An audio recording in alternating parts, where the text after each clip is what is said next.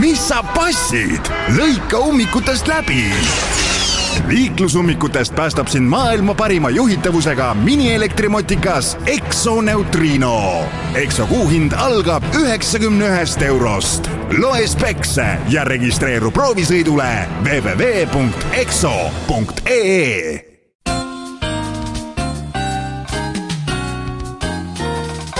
pressiklubi.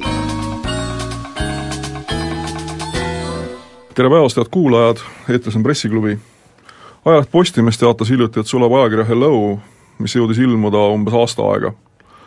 see sulgemisteade viis mõttele, et äh, Pressiklubis oleks aeg teha üks saade, kus arutada selle üle, mida inimesed ajakirjadest lugeda armastavad, aga samuti arutada selle üle, et kuidas ajakirjade kirjastamisega raha teenida. meil on täna stuudios kaks äh, ärimeest, oma ala eksperti, kes ilmselt teavad kõiki ajakirjade kirjastamisest Eestis. Äripäeva peadirektor Igor Rõõtov, tere päevast! tere päevast! ja Eesti suurima ajakirjade kirjastuse, ajakirjade kirjastuse juht Tõnu Äät. tervist! ja mina olen saatejuht, Lääne peatoimetaja Andrus Karnau. kuulajatele teadmiseks, et äh, tavaliselt on Pressiklubi otsesaade, seekord salvestame seda saadet varem, praegu, kui me seda salvestame, on neljapäev, kell on umbes kaks päeval kui te meid aga kuulete, siis on esmaspäev, kahekümne teine juuni, kell on mõned minutid üks läbi. nüüd äh,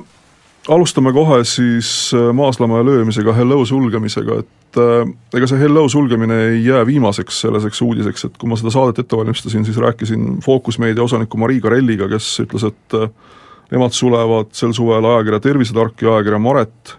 ja kui vaadata seda, kui palju on Eestis ajakirju, kui kirju on see turg, siis ilmselt äh, neid sulgemisi tuleb veel ja veel. et äh, nüüd ikkagi selle maaslama ja löömisest alustada, et äh, mis Postimees valesti tegi, et Helloga aasta aega jõudis ilmuda, ilmselt tehti päris suuri kulutusi,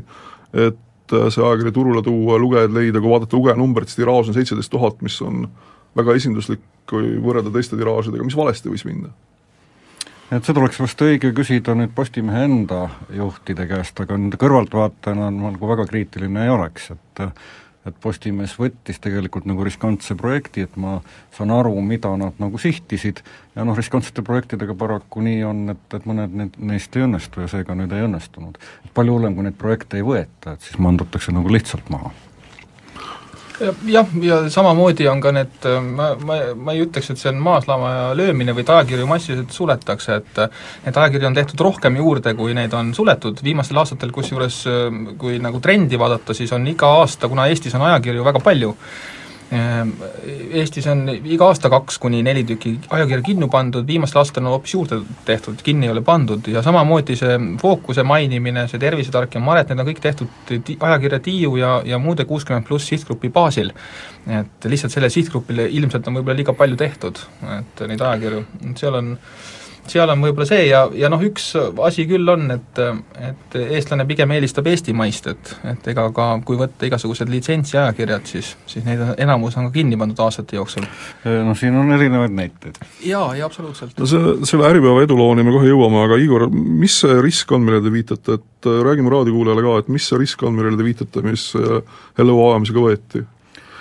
Noh, mida nagu, nagu katsuda ette kujutada, et mida nad seda mõtlesid et äh, tõenäoliselt Postimees oli kaotanud oma osaluse siin Eesti meedia müügi tagajärjel ja need jäid nagu ajakirjadest ilma, et nüüd Tõnu juhitav ettevõte on, on, on suuresti Ekspress Grupi nagu mõju all ja Eesti meedial nagu sel hetkel ei olnudki nagu ühtegi ajakirja, et neil tekkis nagu loomulik ambitsioon sellesse nišši nagu tagasi tulla. miks nad tegid naiste ajakirja, on ka väga selge, see on kõige nagu kasumlikum või suurem nišš, noh me teame ühelt poolt, et naised armastavad ajakirju lugeda ja sageli nad ei loe mitte ühte, vaid, vaid lausa, lausa kõiki, mis neile tehakse, aga äriliselt on siin taga reklaamiturg, et kuskil kogu ajakirjade reklaamiturust nii-öelda naistele suunatud reklaam, Tõnu teab täpsemalt, võtab kuskil seitsekümmend või isegi kaheksakümmend protsenti. Mm, täpselt, jah et nad kindlasti tahtsid nagu sellele nišile jala vahele panna ja, Tõnult nagu ühte-teist ära võtta, aga noh, ei õnnestunud. ma saan aru, et õnnestus üles ajada tiraaž ja see vist on sellise suure meediaettevõtte puhul ju niimoodi, et seal on suuresti ristturundus, tasuta postitused tõenäoliselt et tõenäoliselt see tasu, tasuliste või maksvate tellijate hulk oli vist suhteliselt väike sellel ajal. jah, aga noh, ega siin võimal-, teist võimalust ei ole, et kui sa tuled uue asjaga turule, sa peadki tegema esialgu nagu väga suuri kulutusi ilmselt nad need kulutused tegid ära, aga see tulem, mis sealt tuli, ei vastanud nende äriplaanile, nad otsustasid enam, otsustasid enam mitte kulutada. kui tõsine on konkurents? Te ütlesite, et äh, enamik ajakirjade reklaamist läheb naistele, naiste ajakirju on juba väga palju, kui tõsine see konkurents on siin? Ma ütlen, et see konkurents on nagu väga ränk ja ma ütleks seda, et, et me ei saa praegu rääkida, et kuskil neli-viis aastat, kümme aastat tagasi me saaks, saaksime, saime rääkida ajakirjade turust, ajalehtede turust, turust nagu teleturust, praegu on need asjad kõik segamini et kui me vaatame nagu lugejat, et mis nagu alternatiivid tal on, et, et ta võib lugeda ühte ajakirja, samal ajal ta võib samasugust või samalaadset informatsiooni vaadata internetist, vaadata telesaateid, teha neid nagu kombineeritult, et me ei saa rääkida nagu sellisest ühtsest turust, et, et me oleme kõik nagu väga teravas konkurentsis, et pigem see digitaalne keskkond on siin andnud tege-, täie, täiesti nagu uue dimensiooniga ajakirjadele, et see ei ole mitte mingisugune omaette maailm. no ajalehed püüavad ju oma kaotatud lugejaid tagasi võita kodulehtedel. kas see nagu ajakirjade puhul ka võimalik on? noh, minu seisukoht on, et Tõnul võib ta olla nagu sootuks erinev, aga eh, kui vaadata nagu maailma praktikat, kui tuli selline asi nagu iPad või, või tahvelarvuti, et siis esimese hooga maailma suuremad ajakirjakirjastused olid, mõtlesid, et see ongi nende päästerangas, et nüüd tekkiski lõpuks selline digitaalne platvorm, kus inimesed väga ilusa asja saab teha lugejale. hakkavad lugema, tehtigi ilusaid asju ja siiamaani on mõned ilusad asjad, aga mis on nagu väga selge, et, et need lugejanumbrid, kes tõesti tahvelarvutis loevad ajakirju, ajakirjalaadseid tooted, et nende võrreldes prognoosidega see number on nagu kaduvväike. ja praegu nagu ikkagi maailma tasemel on üldine konsensus, et sellisel viisil, et lihtsalt tõsta ajakirjade sisu äh, digitaalseks äh,, läbi mingite tehniliste vidinate, et sellisel viisil nagu ärimudel ei, ei toimi. ka ei toimi ajakirjade puhul see, et, et kui ma Päevalehes näiteks et, tõstan need leheuudised Delfisse, veebi, paketeerin need erineval viisil, siis ma olen lausa, lausa lugejaid juurde saanud, omaette probleem, et raha võib-olla ei tule nii palju. et ajakirjade puhul see nagunii ei ole aga mis on nagu ajakirjade puhul positiivne, et seal ei ole see langus äh, sugugi olnud nii nagu drastiline, et ja isegi vastupidi, et kui ma mäletan maailma mastaabis, siis kogu ajakirjade lugejaskond on, on lausa nagu kasvus vähemalt ei lange. samal ajal kui näiteks päevalehtede lugejaskond on, on ikkagi langenud katastroofiliselt viimase kümne aasta jooksul. kusjuures selline huvitav asi, ma ütleks vahele, et kahe poole aasta jooksul on ajakirjade, Eesti mõistes ajakirjade unikaalsete lugejate arv püsinud viiesaja tuhande piiriliselt üle, ta pole langenud langenud, et vastupidi, ajalehtedel on, aga aga siin erinevus võib-olla ongi see, et ajalehed ja ajakirjad peaks äh, eristuma, sest, eristama, sest äh, inimene tahab, inimene tahab sellist kiiret uudist, kui nüüd presidendi auto tui-tui-tui teeb avarii, siis see on viie minuti pärast online'is üleval, homme on see vana uudis juba. et, et seetõttu see kiire uudis ja, ja miks päevalehtedel nii-öelda see langus on, et et ja teine asi on see, et meil on samamoodi kõik, meil on kolmkümmend neli ajakirja, need on kõik äh, iPadist või tahvlist saadaval. Aga ei taheta seda, ükskõik ka, mis see hind on, et need on hästi marginaalsed numbrid, et, et seal on võib-olla, me oleme palju selle üle ise spekuleerinud, võib-olla on asi selles, et inimene on harjunud lugema, see, see ja ütlebki, Eesti naine on üheksakümmend aastat ilmunud ja inimene ütlebki, et tema vana-vanaema juba seda tellis, ta tahab kord kuus seda koju saada, kabina ees lugeda, et see on üks hetk kord kuus tema jaoks, tund aega, et noh, ma, ma ei oska öelda, võib-olla on see, aga aga, aga noh, siin ei ole nagu seda trendi eh, ilmselt, et pigem on siis, kui puhkusele minnakse, et võib-olla siis, et ei võta kümmet ajakirja kaasa, et see tahvel, aga et, et jällegi noh, megatrendi vaadata Euroopas, mis on toimunud, Eestis vist ka samamoodi, Tõnu korrigeerib, kui ma midagi valesti ütlen, on, on see, et, et suured ajakirjade kirjastused on suutnud hoida tellijate numbrit või isegi kasvatada, aga langus on toimunud nagu üksikmüügis, et need ajakirjad, kes on orienteeritud nagu üksikmüügile, on nii-öelda rohkem nagu, nagu kaotanud, et ma isegi Eestis, ma, Tõnu oskab nagu täpsemini kommenteerida, kuidas see trend on kusjuures täpselt samamoodi ma, eh, oleme seda viimastel, viimastel kuudel vaadanud, näiteks meie ajakirjakirjastuse trend on ka see, et meil on tellijate arvud natukene plussis isegi, kusjuures meil on ka, meil on isegi ka jaemüük eh, ei ole langenud, see on võib-olla natukene tulnud mõnes mõttes hinnatõusu arvelt, aga see, mis Igor ütleb, on, on tõsi jah, et tellija on lojaalne, tellijale ja, ja siin on ka see, et mis sa mainisid, et, et see ristturundus ja, ja nii edasi, et kuna meil on kolmkümmend neli toodet, meil on suured baasid, tellija selles mõttes on lojaalsem, et talle on lihtsam müüa kui uuele inimesele jaemüügis, et, et, et jah, see tellijaid on nagu lihtsam hoida iseenesest ja tegelikult ei ole ajakirja tellijatel langust, meil on väga palju ajakirju, mille tellijate arvud on plussis see aasta väga tugevalt. ja kusjuures täiesti paradoksaalne ka, et ka ajakirjal Kroonika näiteks on tellijate arv suurem kui, kui oli eelmine aasta, vaatamata sellele, et oli kõrvalkonkurent Hello, et Kroonika fenomenist räägime hetke pärast, kui me oleme ära kuulanud reklaami.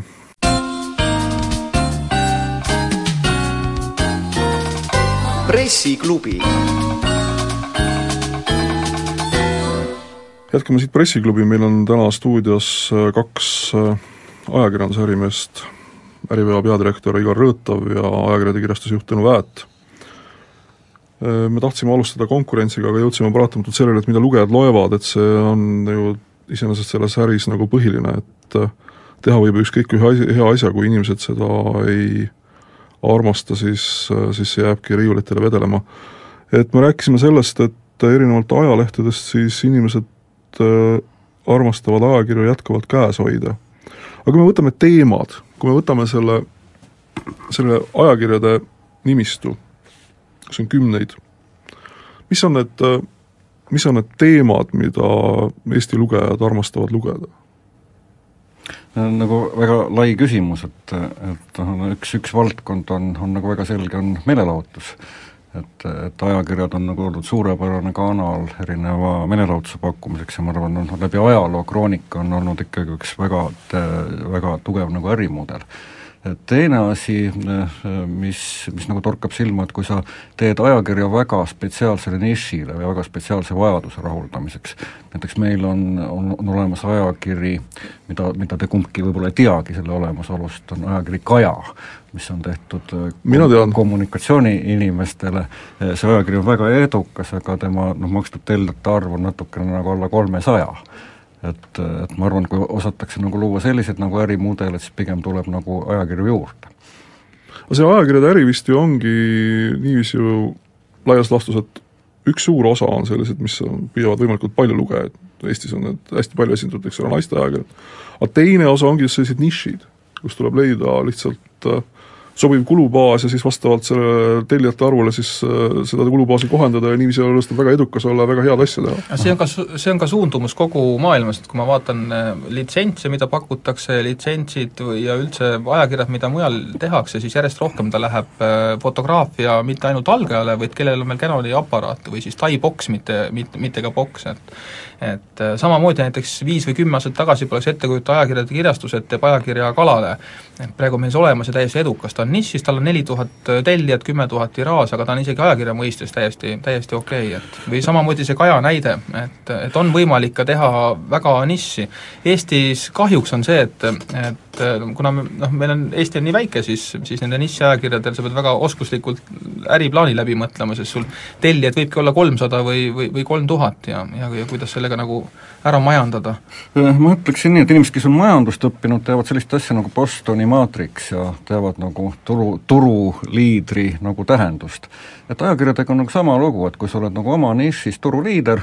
et, et siis sa oled üsna nagu vääramatu, et kui Kroonika on naiste nišis turuliider, siis ta on nagu vääramatu, kui sa oled number kaks, Halloo oli võib-olla number kaks, eh, siis sa ei suuda ennast nagu majandada. aga samas, kui sa oled ka väga kitsas nišis, kui sa oled selles samas kalapüüdjate nišis number üks, siis sa suudad nagu kenasti majandada, aga number kaks olla eh, noh, praktiliselt ei ole, ei ole võimalik seda küll, jah. kas see, see kroonika fenomen, see ongi siis nagu see, et ta on niivõrd pika ajalooga, pika traditsioonidega, on seal veel midagi? noh, ega ka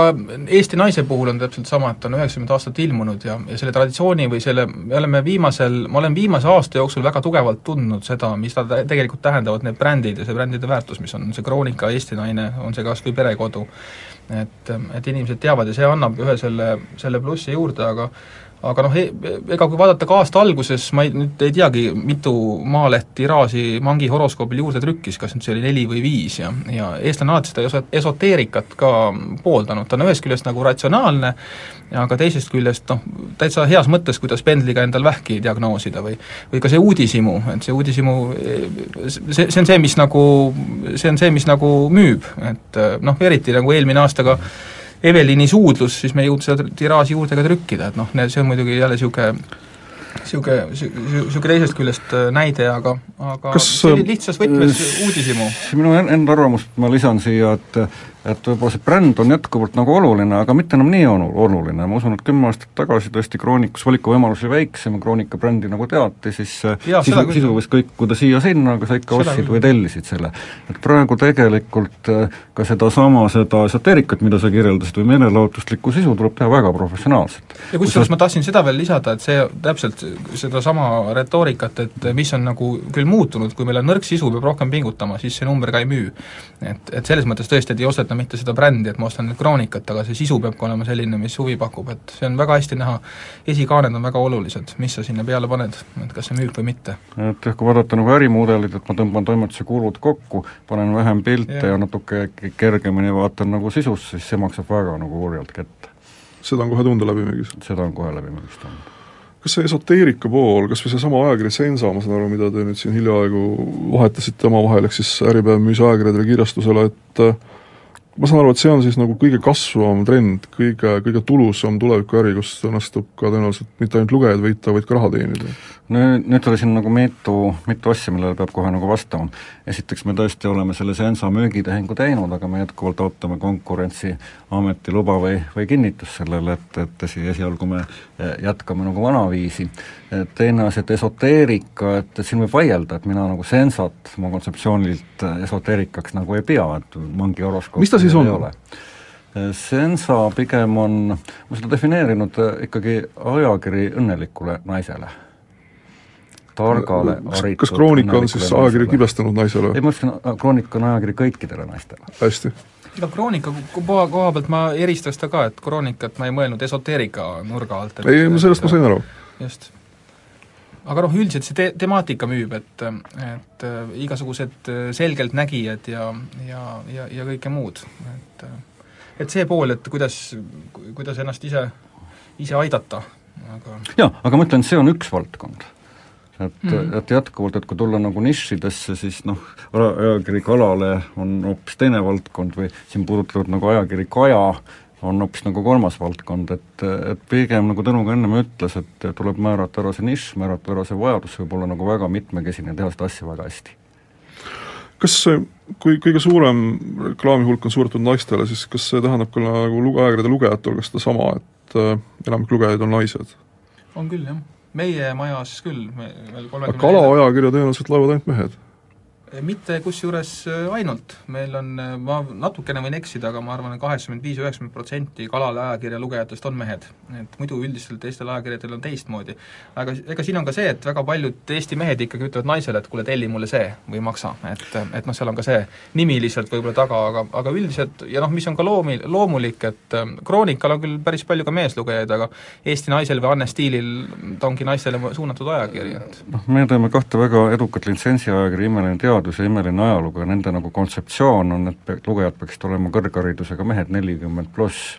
et tegelik tulemus meid natuke nagu ehmatab, kui me vaatame neid Mm. teldjate nimesid, siis eh, kaldub üle viiekümne protsendi tõesti oleva, olevat naisi ja me noh, samamoodi nagu Mm. Tõnu arvame, aga me ei tea täpselt, et võib-olla need naised lihtsalt tellivad selle ajakirja oma mehele.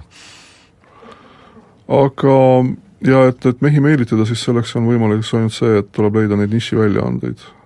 ei midagi muud. noh, meestel on ka nagu oma ajakirjad täiesti olemas, aga see on natuke eriline nišš. see ajakiri ju lõpetas Eestis, ei, on küll, Eestis on ju Maja on alles, aga, aga Playboy väljaandmine lõppes ju kaunis, kaunis kuulsusetult, et äh, ega rohkem vist ei olegi neid erootikaajakirju alles. FHM ja, ja aga noh, seal on ka see, et mi- mis võib-olla viga tehakse, et kui hästi ei lähe, et siis ähm, liiga palju võib-olla tõmmeldakse, et iga kuu võetakse uus, uus nagu lähenemine, et kas ma nüüd olen liha või kala, et, et, et võib-olla ka see, et äh, ma ei oska öelda, aga eks siin on see Eesti väiksus, et veel kord, et et võib ju teha samamoodi ka ajakirja fotograafia huvilistele, aga kui Inglismaal on sellel viiskümmend tuhat tiraaž, siis noh, Eestis on ilmselt viissada. et noh, see ongi see asi, millele peab mõtlema. Fotogra-, fotograafia ma nagu ei, ei kardaks, ma täitsa kujutan ette, et kui see täp-, täpselt välja rihtida, teha väga hea, hea sisu, siis on täitsa võimalik seal no nagu edu saavutada. see, mis ma ütlesin selle käigus, ma ütlesin ise sama, aga noh, see oli lihtsalt niisugune illustratiivne näide, et jah, kusjuures fotograafia õnnestunult võiks isegi täitsa olla, jah, just. aga kuulame siinkohal uudiseid ja jätkame pärast, pärast pool tundi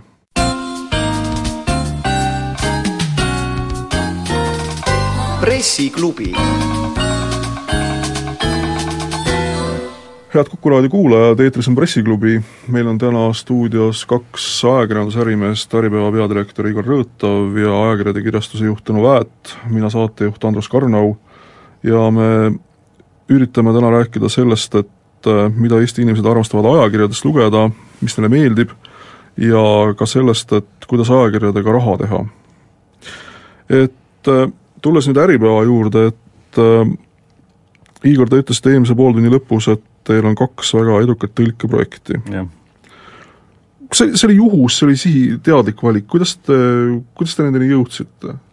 noh, meil on põhimõtteliselt teada, et meie omanikfirma Bonnier Grupp, ta-, nende Taani haru on, alustas väga eduka projektiga, mida me Eestis nimetame Imeline teadus, mis rahvusvaheliselt on Science Illustrated, ja see oli kohutav edulugu erinevates riikides, Austraaliast kuni Islandini. Ja meil oli ta kogu aeg nagu silme, silme all, et kuigi me tegime siin ise nagu ärilehte, et, et miks mitte katsetada, ükskord me tegime selle ära ja, ja see äriplaan nii-öelda võiks öelda mõne kuuga realiseerus kaks korda paremini, kui me nagu ette kujutasime. Ja siis teine analoogiline toode, ajalugu tuli sinna järgi tõesti, see on toimunud nüüd vastu igasugust trendi, et me teeme neid ajakirju aktiivselt neli-viis aastat ja aasta-aastalt on, on nii nende lugejaskond kui ka kõik majandusnäitajad hoogsalt kasvanud. kas see on õige, et need kaks projekti on Eesti kõige, rahaliselt kõige edukamad projektid ajakirjade turul? Noh, ma, ma ei ole nüüd kindel, ma ei ole Tõnuga niimoodi numbreid võrrelnud, ma siiski arvan, et need juhtivad naiste ajakirjad või võivad anda, oleneb kuidas mõõta, võivad anda nagu paremat tulemust, aga jah, niimoodi üksikuna võttes, et pra-, praegusel ajahetkel on nad, nad tõesti, ma ei julge öelda, et kõige edukamad, aga kindlasti väga edukad. jah, ja ega teil ju konkurente ei ole, sest Horisont vist veel ilmub, aga Horisont äh, pole tal ei sellist reklaami ega selliseid turundusvõimalusi, nagu on imelisel teadusel, ma küll, need vist ei ole küll päriselt võrds-, võrreldavad, aga ikkagi mõnevõrra siiski, eks ole. sa ei tea turgu nii hästi, et imelisel teadusel on väga tugev konkurent National Geographic näol täiesti olemas. see on suurepärane väljaanne. isegi ajakiri Geo ilmub, et et mida lihtsalt ei turundata, et e, eks siin on muidugi ka see, et kuna üks asi, mis on ka läbi käinud, kas suur või väike kirjastaja, et ega -hmm. ega kui sa väikese kirjastajana annad Horisonti või, või kas või Geod välja, et kui siin turundusse ei, ei, ei panusta, et Äripäev on kindlasti eesrindlik ka, ka turunduspoweri poole pealt, et et, et seal on, ajakiri on pildis. aga noh, ajalooajakiri, ajalooajakiri on tegelikult selline üsna uus trend, et nad Skandinaavias tekkisid, muutusid populaarseks kuskil viisteist aastat tagasi. ja sinna on nüüd tõesti tekkinud, Skandinaavias üksi on vist viis ajalooajakirja ja ma üldse ei imesta, kui Tõnu mõne, mõne aja pärast tuleb siin nagu konkur-, konkurendina ka välja. me jah, nende samade, mida sa nimetasid, eelmine aasta sai nendega ka räägitud, et et seal, seal see on, aga, aga noh, teades just seda sama, et kas nüüd Äripäeva õue minna kaklema, et, et neil on palju ka ressurssi, et vastu astuda, et, et Eesti on ikkagi väike, et noh, seal see on, et kui me oleksime Rootsis või Taanis, siis me oleks kindlasti ammu teinud selle, selle konkurendi, kui seda veel ei oleks, aga aga, aga noh, siin on ka see, mis Igor ka alguses ütles, et, et ikkagi võitja võtab kõik, et imeline teaduse ajalugu on väga tugevalt tulnud, neil on väga suured tellijate arvud, et, et seal natukene on keerulisem konkurentsi pakkuda. Et nüüd teha ajaloo ajakiri, siis noh, niimoodi puhtalt äri vaadates sa peaksid tegema suure investeeringu ja meid lööma jaa, no see, jah, sellest, seda ma just räägin, et siiamaani me ei ole tahtnud seda teha, et äh, aga ma üldse ei imesta tema ambitsioon, ambitsioonikat nägu vaadates, et ta midagi sellist mõne aja pärast ette võtab. kui ajalugu meenutada, siis minu meelest kusagil kaheksakümnendate lõpus ilmus Eestis ajakiri nimega Pilk, mis oli ju väga suures mahus ju ka täidetud ajaloolugudega mm.. et selles mõttes see ei ole ju Eesti lugejale sugugi võõras. Aga, aga kas, kas siis tuleb ajalooajakiri konkurent või ei tule, ma saan aru, et ei tule? praegusel hetkel ei tule. et aga, aga rahaliselt, kui proovida seda nagu Äripäeva sellisesse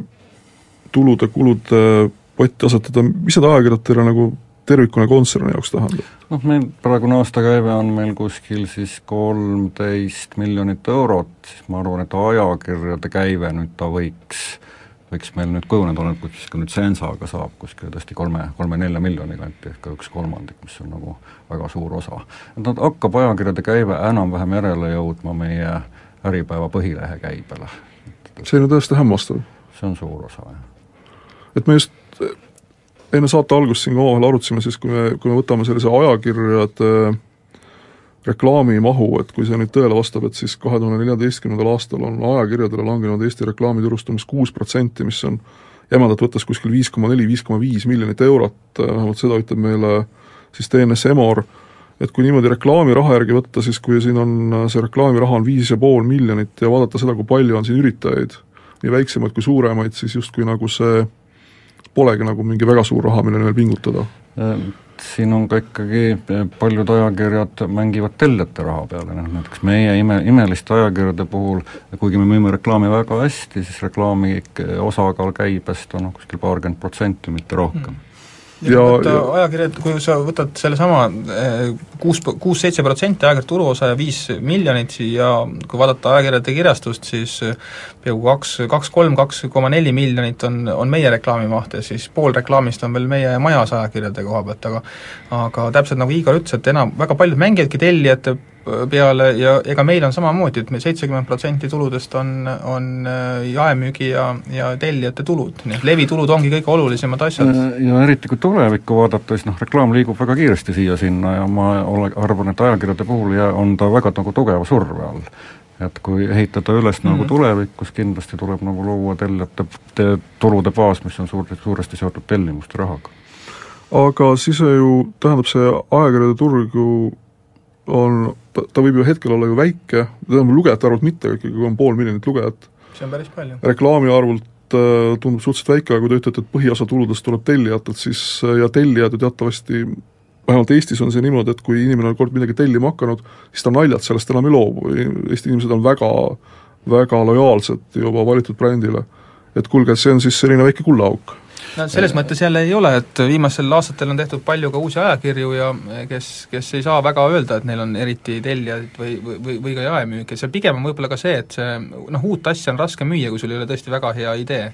lihtsalt. Ja, ja kui sul ei ole, kui sa, kui sul ei ole baase, sul ei ole mm, telemarketingi ja kõike seda muud, siis on keeruline seda müüa, et noh, lihtsalt sa võid teha toote ja Rimis seda müüa, aga, aga selle peale ei hakata seda ostma või tellima, et siit kullaauguga on küll ka nii, et, et et, et keskmiselt ühe ajakirja nagu pikendusprotsent ehk inimeste hulk, kes aasta pärast seda nagu automaatselt pikendab, on kuskil nagu seitsekümmend mis tähendab, et mhm. ajakirja mm -hmm. nagu üleval hoida, sul tuleb kolmkümmend ikkagi nagu kogu aeg äh, edasi müüa. ja sa pead kogu aeg tegevusi tegema ja, ja seal on ka see, et me ise poolnaljaga enda majas ütleme, sa pead iga hommik üles ärkad, sa pead oma huuled ära värvima ja mõtlema, kuidas nüüd tantsule saada. et see on iga päev ja iga päevaga sa pead uue nipi välja mõtlema, et, et see ei ole nagu niisama, et me, meil väga palju peame pingutama ja, ja iga aastaga turunduskulusid tugevalt tõstma, et ega seal midagi teha pole, et et see ei tule nagu niisama, et kui sa kord oled tellinud, siis sa jäädki tellima, aga aga noh, need traditsioonid on, et Eesti naist tõesti antakse nagu põlvest põlve võib-olla edasi, et et, et ja noh, meil on nagu lihtsam müüa seda kui uut toodet, kui, kui, kui ajakirja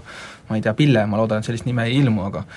aga, aga noh, seal on niisugused eelised. hästi,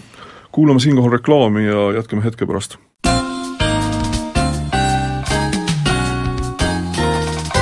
pressiklubi hallo, eetris on Pressiklubi, oleme jõudnud oma viimasesse veerandisse, meil on täna stuudios külaliseks ajakirjade kirjastuse juht Tõnu Väet ja RBA peadirektor Igor Rõõtov. Igor, siin äh, eelmise veerandtunni selle rahajutu peale ma, ma, ma ilmselt ei, ei lähe nüüd nagu tsunfti sisse, aga ma tuletaks meelde ühte ühte repliiki, mis te ütlesite äh, selle aasta alguses ühel Ajalehte Liidu kogunemisel, kus te ütlesite, heitsite oma kolleegidele pooleldi naljaldi, pooleldi tõsiselt ette, et kuulge, kallid kolleegid, te müüte oma tooteid liiga odavalt kas te räägiksite mõne sõnaga lahti, et mis te sellega mõtlesite? no ma pidasin selle all silmas nii, nii Postimehe kui ka siis Delfi tellimuste müüki internetis. et kui ma tõesti, ma olen mõlema nagu tellija ja kui ma vist Päevalehe eest maksan kaks eurot nagu kuus ja, ja, ja Postimehe eest mitte mitte väga palju nagu rohkem, siis tegelikult need on noh, niivõrd väärtuslikud tooted, et ma oleksin nende eest valmis maksma kolm, kolm, kolm-neli korda nagu suuremat hinda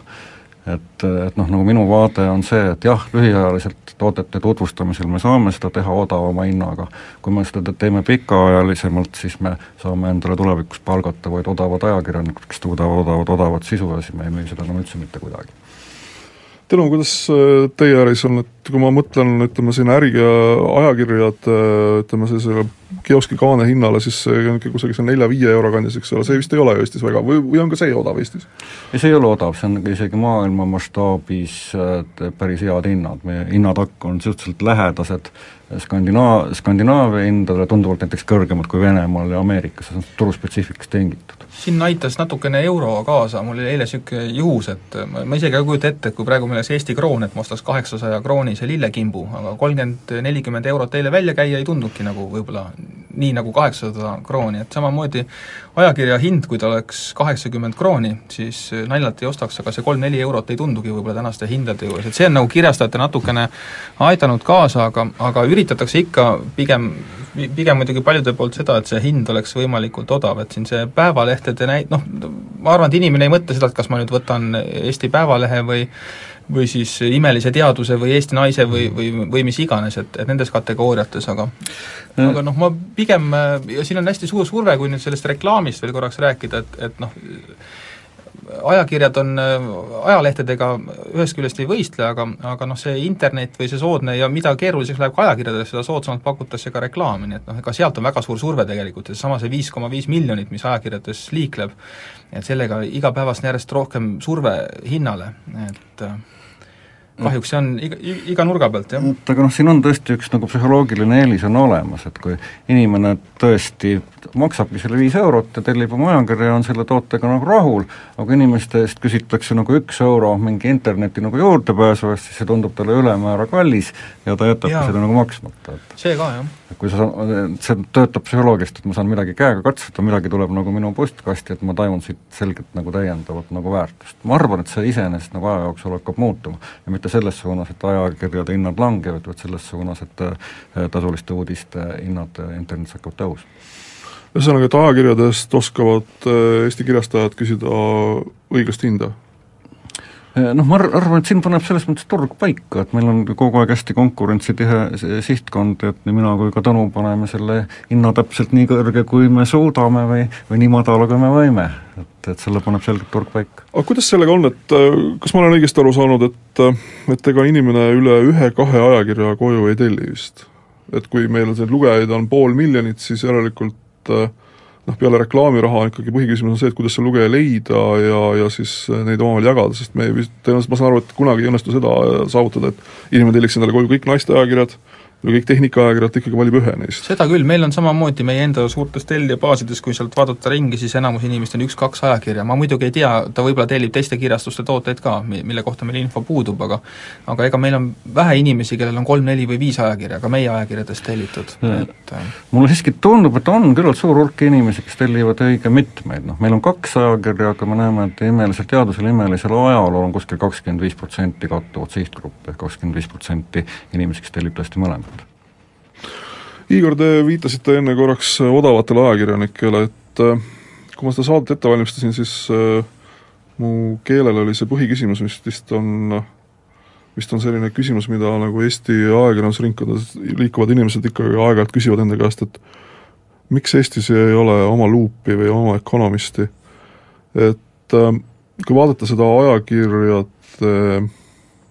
hulka, seda sisu, mida, mida ajakirjad katavad, siis äh, need on kas nišiajakirjad, meelelahutusajakirjad, ajakirjades ei ole ju mu meelest väga tugevat sellist äh, klassikalist ajakirjanduslikku ambitsiooni ma, ma hea, hea meelega vastaksin sellele, kui ajab kihelema, sest ma töötasin ise kunagi peaaegu luubis.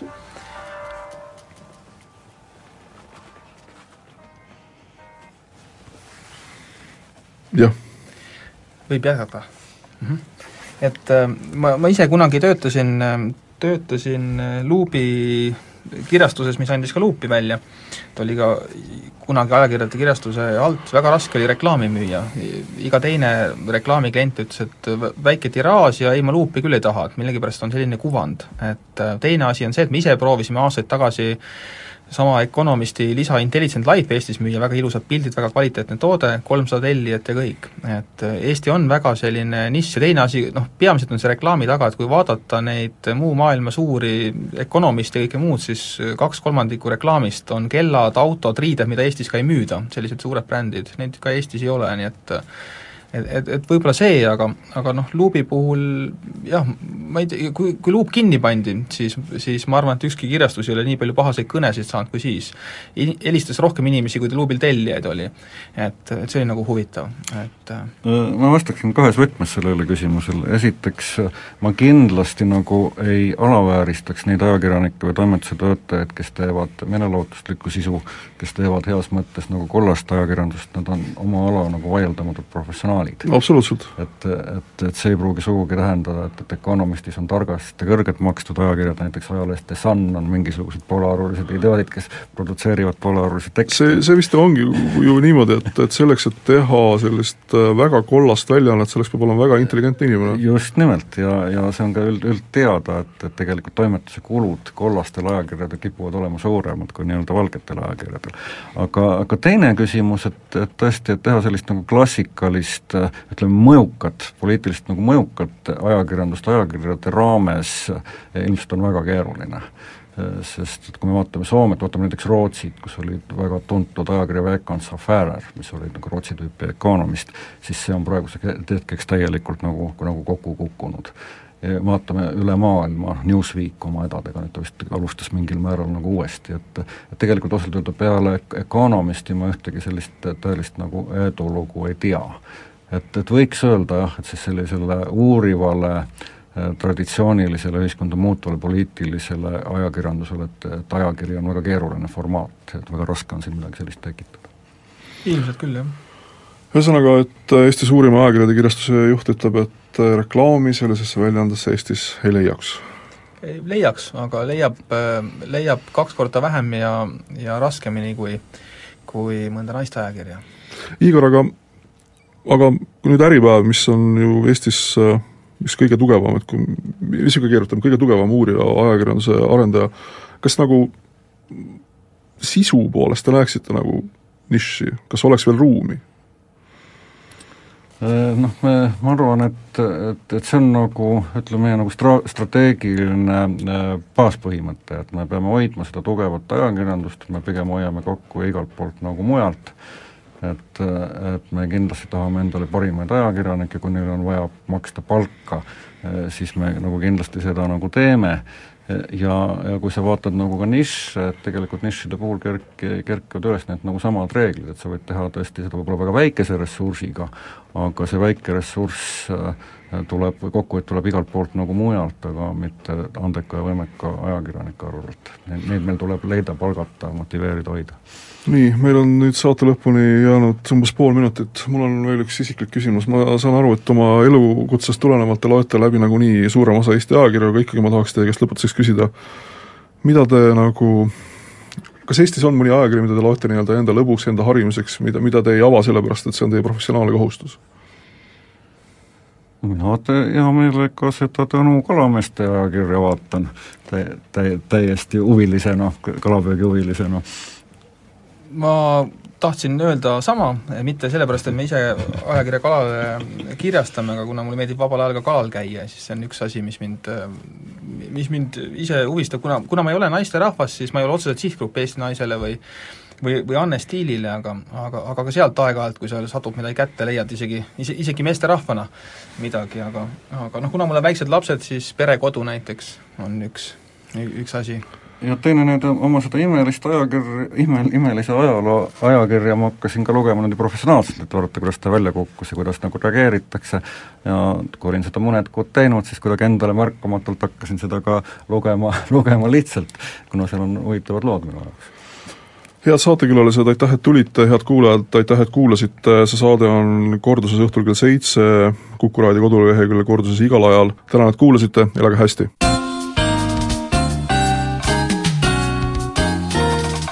pressiklubi